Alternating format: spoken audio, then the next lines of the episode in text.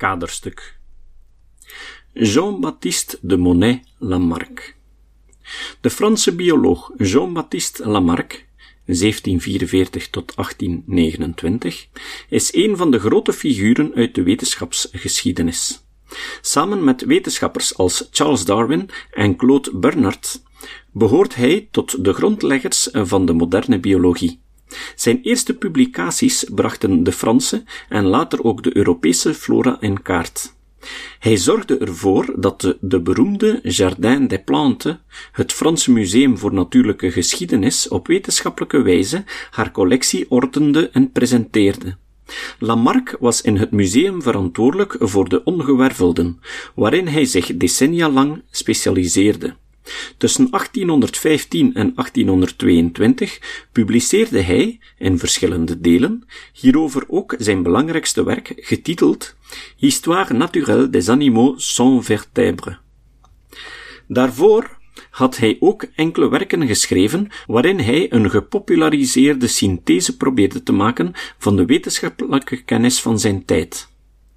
Hij vreesde namelijk dat de toenemende aandacht voor het detail, zoals dit volop aan de gang was in de scheikunde van zijn tijd, ertoe zou leiden dat niemand, behalve de specialist, de wetenschappelijke kennis nog zou begrijpen.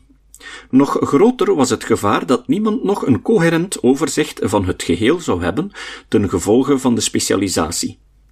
De plaats van de mens bepalen binnen de natuur en de wereld aan de hand van wetenschap zou dan helemaal onmogelijk worden. Ondanks zijn opmerkelijke wetenschappelijke verdiensten is Lamarck vandaag de dag vrijwel uitsluitend bekend als iemand die een foutieve evolutietheorie naar voren bracht. Hij ontwikkelde zijn evolutionaire visie in een werk uit 1809, Philosophie zoologique.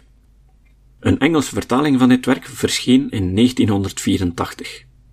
De gangbare opinie stelt dat Lamarck's centrale idee de overerving van verworven eigenschappen was. Het is waar dat Lamarck dit punt naar voren bracht, maar het maakt niet de kern uit van zijn evolutietheorie. Het geloof dat verworven eigenschappen doorgegeven worden aan nakomelingen bestond reeds lang voor Lamarck. Bovendien deed ook Darwin er soms een beroep op. Het werd pas ten gronde betwist door de Duitse bioloog en Darwinist August Weismann, 1834 tot 1914, die ondubbelzinnig aantoonde dat verworven eigenschappen niet erfelijk worden doorgegeven. Lamarck's evolutietheorie berust op de gedachte dat de natuurwetten voortdurend op materie inwerken, dusdanig dat de resultaten ervan anders zijn naar gelang de omstandigheden waarin de materie zich bevindt. Levende organismen, die zelf louter materie zijn, ondergaan veranderingen, van eenvoudig naar complex, door de werking van de natuurwetten. Bovendien streven organismen er uit zichzelf naar om steeds complexer te worden. Toch dacht Lamarck niet dat evolutie van de levende natuur finalistisch was. Het proces dat hij beschrijft is volkomen doelloos. Er is geen richting in te bespeuren. Zijn theorie liet hem toe te verklaren waarom fossielen vaak lijken op soorten die momenteel bestaan, maar er toch niet aan gelijk zijn.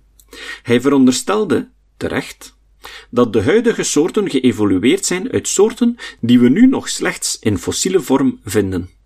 Lamarck beweerde dat ook de mens op die manier geëvolueerd is uit een eenvoudig dier. Zijn evolutionaire visie kende in zijn tijd weinig navolging. Niet alleen viel zijn materialistische filosofie niet in goede aarde, men vond ook dat hij te weinig bewijzen leverde voor de evolutie van het leven, het grootste probleem met Lamarck's evolutietheorie is dat deze geen mechanisme naar voren brengt dat verantwoordelijk is voor het ontstaan van adaptaties. Vijf decennia later bracht Darwin een dergelijk mechanisme wel naar voren, namelijk natuurlijke selectie. Uit onvrede met Darwins mechanisme grepen sommige evolutionisten uit de tweede helft van de 19e eeuw terug naar Lamarck. Ze legden de klemtoon op het erfelijk doorgeven van verworven eigenschappen, een idee dat ze toeschreven aan Lamarck. In plaats van de eliminatie door selectie van alle levensvormen die niet aangepast zijn, werd aangenomen dat organismen zelf voor gerichte variatie zorgden. Behalve door het werk van Weismann in de 19e eeuw werd dit zogenaamde neo-Lamarckisme ten grave gedragen door de ontwikkeling van de moderne genetica in de 20e eeuw. Tussen haakjes. Het standaardwerk over het leven en werk van Lamarck is Burkhardt, 1995. Zeer verhelderend is ook Ernst Mayers artikel Lamarck Revisited, opgenomen in Mayer 1976, pagina 222 tot 250.